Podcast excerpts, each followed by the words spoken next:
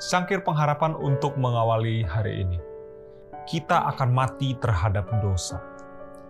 Ia sendiri telah memikul dosa kita di dalam tubuhnya di kayu salib, supaya kita yang telah mati terhadap dosa hidup untuk kebenaran. Oleh bilur-bilurnya kamu telah sembuh. 1 Petrus 2 ayat 24. Satu hal penting bagi kita agar kita dapat menerima dan membagikan kasih Allah yang mengampuni itu adalah mengetahui dan mempercayai kasih yang Dia miliki untuk kita.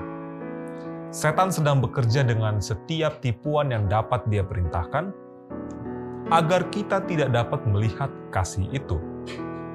Dia akan memimpin kita untuk berpikir bahwa kesalahan-kesalahan dan pelanggaran-pelanggaran kita telah begitu menyusahkan sehingga Tuhan tidak akan menghargai doa-doa kita dan tidak akan memberkati dan menyelamatkan kita. Dalam diri kita tidak ada yang dapat kita lihat kecuali kelemahan tidak ada yang merekomendasikan kita kepada Allah, dan setan mengatakan kepada kita bahwa itu tidak berguna. Kita tidak dapat memperbaiki cacat tabiat kita. Apabila kita coba datang kepada Allah, musuh itu akan berbisik, "Tidak ada gunanya engkau berdoa." Bukankah engkau melakukan hal yang jahat itu? Bukankah engkau telah berdosa terhadap Allah dan melanggar hati nuranimu sendiri? Tetapi kita boleh mengatakan kepada musuh itu bahwa darah Yesus, anaknya itu, menyucikan kita daripada segala dosa.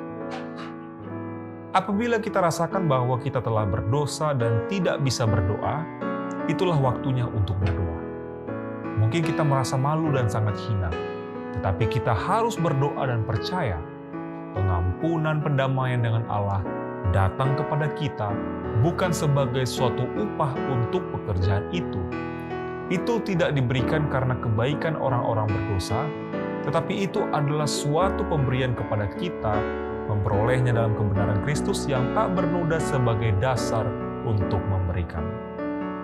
Jangan kita coba-coba memperkecil kesalahan kita dengan memaafkan dosa. Kita harus menerima penilaian Allah terhadap dosa dan itu sungguh berat.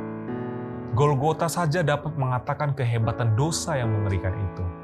Jika kita harus menanggung kesalahan kita sendiri, itu akan menghancurkan kita. Tetapi Dia yang tidak berdosa telah mengambil tempat kita, walaupun tidak layak, Dia telah menanggung kejahatan kita. Demikianlah renungan kita hari ini. Selalu mulai harimu dengan secangkir pengharapan.